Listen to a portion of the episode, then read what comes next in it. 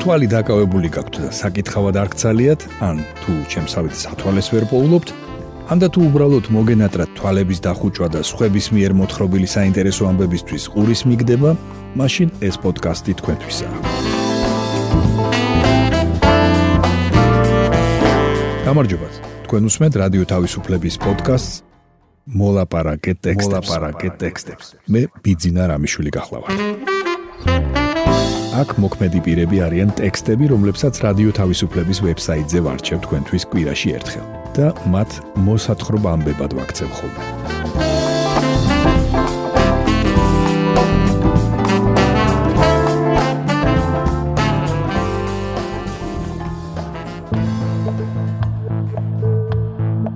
დღევანდელ პოდკასტში მოგითხრობთ მწერალ ეგნატე ნინოშვილზე და გაგაცნობთ ცნობილი რუსი დემოგრაფის მოსაზრებებს COVID-19-ის შესახებ ოფიციალური მონაცემების თაობაზე.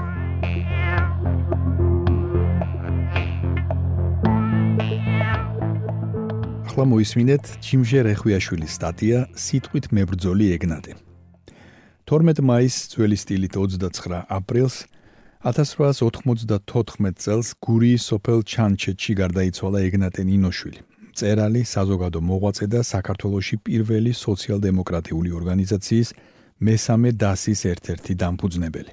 გაზეთ კვალში გამოქვეყნებულ ნეკროლოგში ეგნატეს მეგობარი და თანამებრძოლი ისიდორე რამიშვილი წერდა: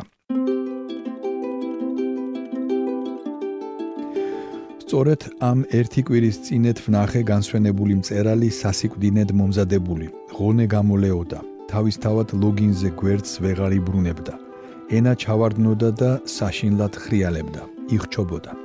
წელკავს კაცობრიობისას ჭლექს უკანასკნელ დღემდის მიეწურა მისი სიცოცხლე ციტატის დასასრული. ეგნატე ნინოშვილი როგორც ტუბერკულოზს ჩვეოდა ანტიბიოტიკების გამოგონებამდე წლების განმავლობაში ებრძოდა სიკვდილს ახლა ჩემი საქმე ასე არის. מחველებს ძლიერ ბევრს, ხანდახან სისხლიანსაც. ვკითხულობთ გარდაცვალებამდე რამდენიმე თვით ადრე იაკობ გოგებაშვილისათვის გაგზავნილ წერილში. თუმცა ვიდრე ჭლექისგან დაუძლურებული ლოგინად ჩავარდებოდა, ორი წელი 1892-93 წლები თბილისში იცხოვრა, ციტატა, ძლიერ ღარიბად ერთ ნოტიან სახლში. ციტატის დასასრული. ალბათ აქ ძველი თბილისის ქუჩებში შეამჩნია მწერალმა თავისი ყველაზე ცნობილი პერსონაჟი, წუხარე სიარულით მოსიარულე ქრისტინე, რომელსაც galaktions რომ დავესესხოთ, ფეხდაფეხ მიხყვა აღფრთოვანებული, რადგან ძველს, ნახმარსა და გაცრეცილს, ათას ადგილას დაკერებულს, ფერ გამოცვლილს ტანსაცმელში იგი კიდევ ხედავდა ამ ქალის царსულს. და ხანჯლის დაკვრისაგან გაფუჭებულ სახეში მაინც ამჩნევდა царსული სილამაზის კვალს. ციტატის დასასრული. ქრისტინე და სხვა საოცარი ძალის მოთხრობები გოგია უიშვილი, პალიასტომის ტბა, მოსე მწერალი, ჩვენი ქვეყნის რაინდი, სიმონა, განკარგულება, ისტორიული რომანი ჯანყი გურიაში და ასე შემდეგ ეგნატე ნინოშილმა სიცოცხლის უკანასკნელ 4 წელიწადში შექმნა. სასიკვდილო სარეცელზე მყოფი აბასთუმანში წასვლასა და სიცოცხლის 2-3 წლით გახანძლივებაზე ოცნებობდა, რათა კვლავ დაბრუნებოდა კალამს, პოლიტიკურ პუბლიცისტიკას, მხატვრულ სიტყვას. დაბრუნებოდა თბილისსაც, სადაც შემოქმედების თვალსაზრისით ყველაზე ნაყოფიერი 2 წელი გაატარა. მაგრამ ვერ აისრულა ოცნება. ვერც გამოჯანმრთელდა და ვერც სიკვდილის გადავადება შეძლო. თუმცა წლების შემდეგ თბილისში მაინც დაბრუნდა. დაბრუნდა ძეგლად და თან ყველა სხვა ქართულ მწერალზე. აკაგის თუ არ ჩავთვლით ადრე.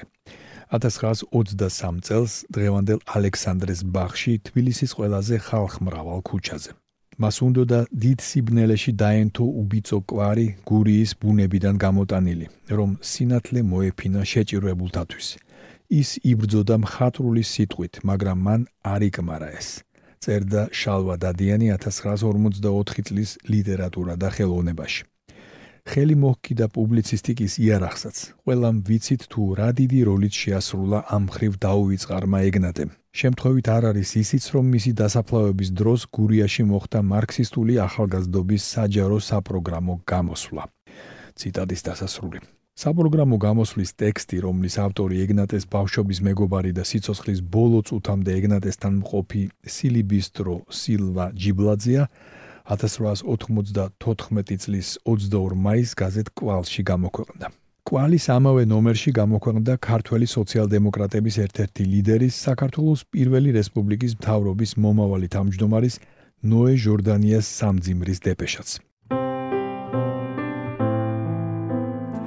გულდათუთქულნივ ტირით ქართველი ხალხის უბედურების მხატველს ეგნატე ნინოშულს ქართველნი აქ მყოფნი მწუხარე ცრემლს ვღრით მისი უდროოდ დაკარგვისთვის.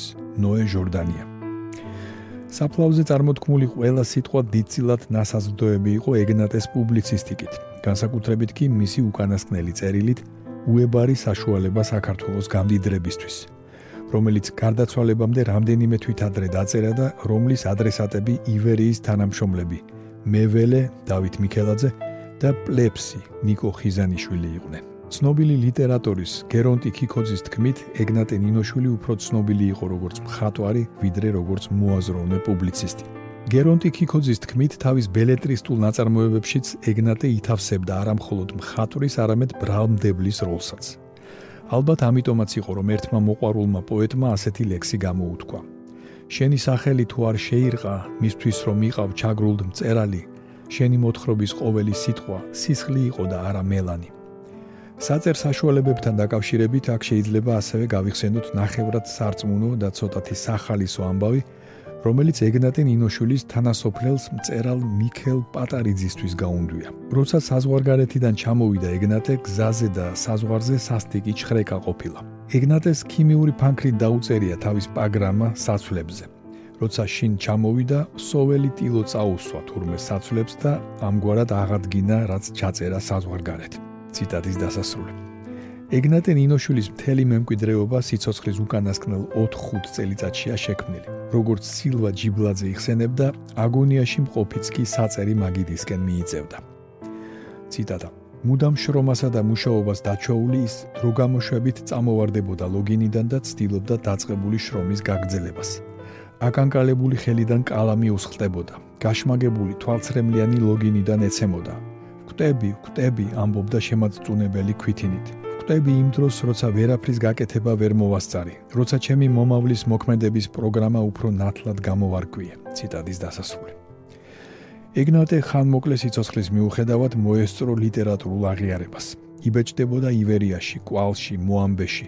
როცა ჯანმრთელობა მუღალათა ქართველთა შორის წერა-კითხვის გამავრცელებელმა საზოგადოებამ ყოველთვიური 15 მანეთიანი დახმარება დაუნიშნა. უკანასკნელი ერთი წლის განმავლობაში კი ნივთიერ შემწეობას თვით იაკობ გოგებაშვილი უწევდა. სიღარიბეში გარდაცვლილი მწერლის დაკრძალვაზე ზღვა ხალხმა მოიყარა თავი. როგორც ჩანს, არც ხდებოდა galaktionი, როცა ამბობდა, არსად ისეთი დიდებული დასაფლავება არიციან როგორც საქართველოში. მაგრამ არსად დასაფლავებას ისეთი გარდამავალი მნიშვნელობა არ აქვს, როგორც აქ ამ ქვეყანაშიო. ეს იყო ჯიმ შერეხვიაშვილის სტატია სიტყვით მებრძოლი ეგნატე.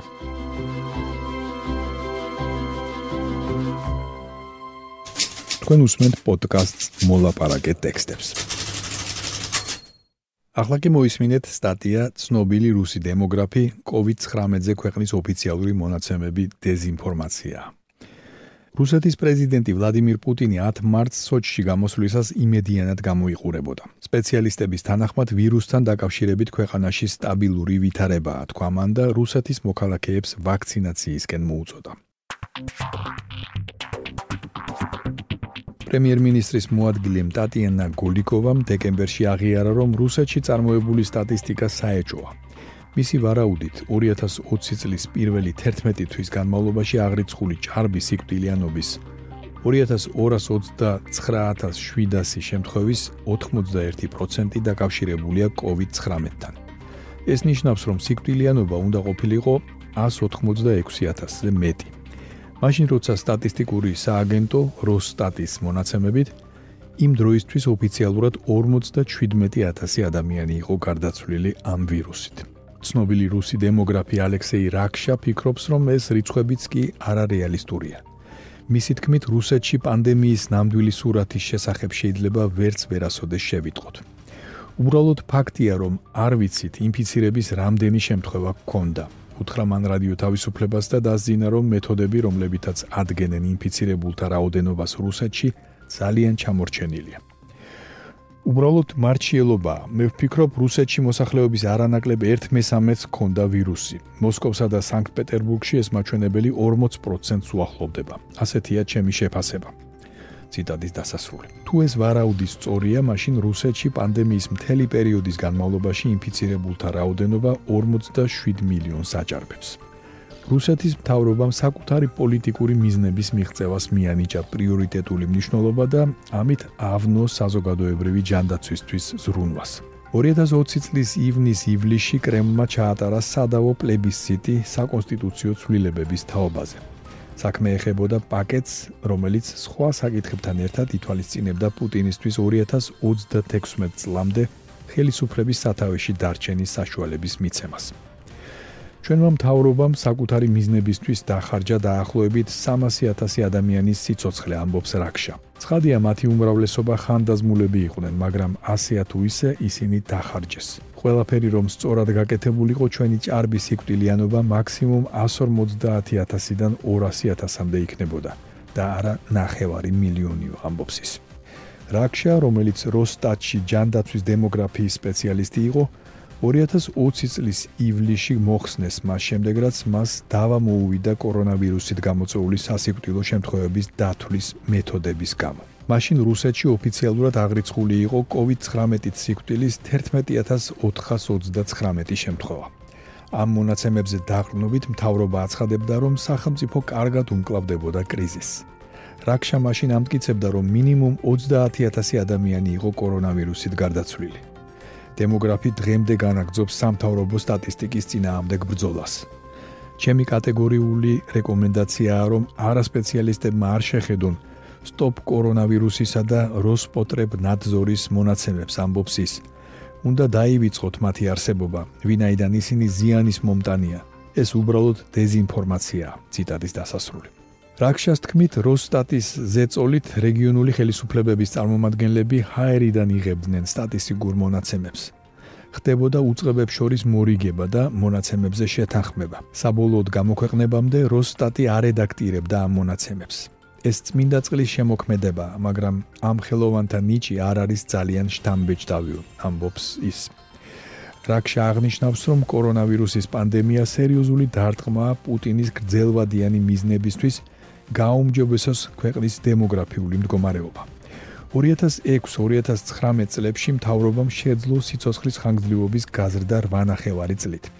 მაგრამ პანდემიამ სიცოცხლის ხანგრძლივობა 1.8 წლით შეამცირა და ქვეყანა 2014-2015 წლების მაჩვენებლებს დაუბრუნდა. რაქშას თქმით, არაპროპორციულად უფრო მეტად დაზარალდნენ ქალები, ვინაიდან ისინი ისეთ თანამდებობებზე მუშაობდნენ, რომ მეტი შეხება ჰქონდათ დაავადებასთან. ისინი უფრო ხშირად ინფიცირდებოდნენ და შესაბამისად მსხვერპლიც მეტი იყო მათ შორის. რაქშას შეფასებით 2020 წელს ჭარბი სიკვდილიანობა 355000 იყო. მთელი პანდემიის შედეგად დაღუპულთა რიცხვი კი მისი შეფასებით 500.000-ს აღწევს. დემოგრაფის თანახმად მთელი ჭარბის სიკვდილიანობა შეიძლება პირდაპირ ან არაპირდაპირ მივათვალოთ COVID-19-ს. ისე გვატყუებენ თითქოს დებილები ვიყოთ და ასეც გვექცევიან. დაასკვნის დემოგრაფი ალექსეი რაქშა რადიო თავისუფლებასთან საუბარში. თქვენ მოისმინეთ სტატია ცნობილი რუსი დემოგრაფი. COVID-19-ზე ქვეყნის ოფიციალური მონაცემები დეзинფორმაციაა.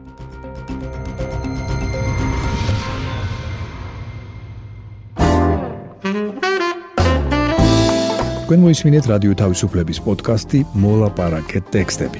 მე კვირაში ერთხელ ვარჩევ რადიო თავისუფლების ვებსაიტზე გამოქვეყნებულ ტექსტებს და მათ მოსათხრობამდე ვაქცევ ხოლმე. ჩვენი პოდკასტი შეგიძლიათ გამოიწეროთ, ჩამოტვირთოთ ან მოისმინოთ პირდაპირ რადიო თავისუფლების ვებსაიტზე. მისი მისამართია თავისუფლება.ge. თუ ჩემი მიერ მოთხრობილი ტექსტები სრული სახით დაგაინტერესებთ, მათი მოძებნა იულია. ვებსაიტზე, პოდკასტის გვერდზე იპოვეთ ყოველ ცალკეულ პროგრამაში მოთხრობილი ტექსტების ბმულებს. მე ბიძინა რამიშვილი ვარ. მომავალ შეხვედრამდე.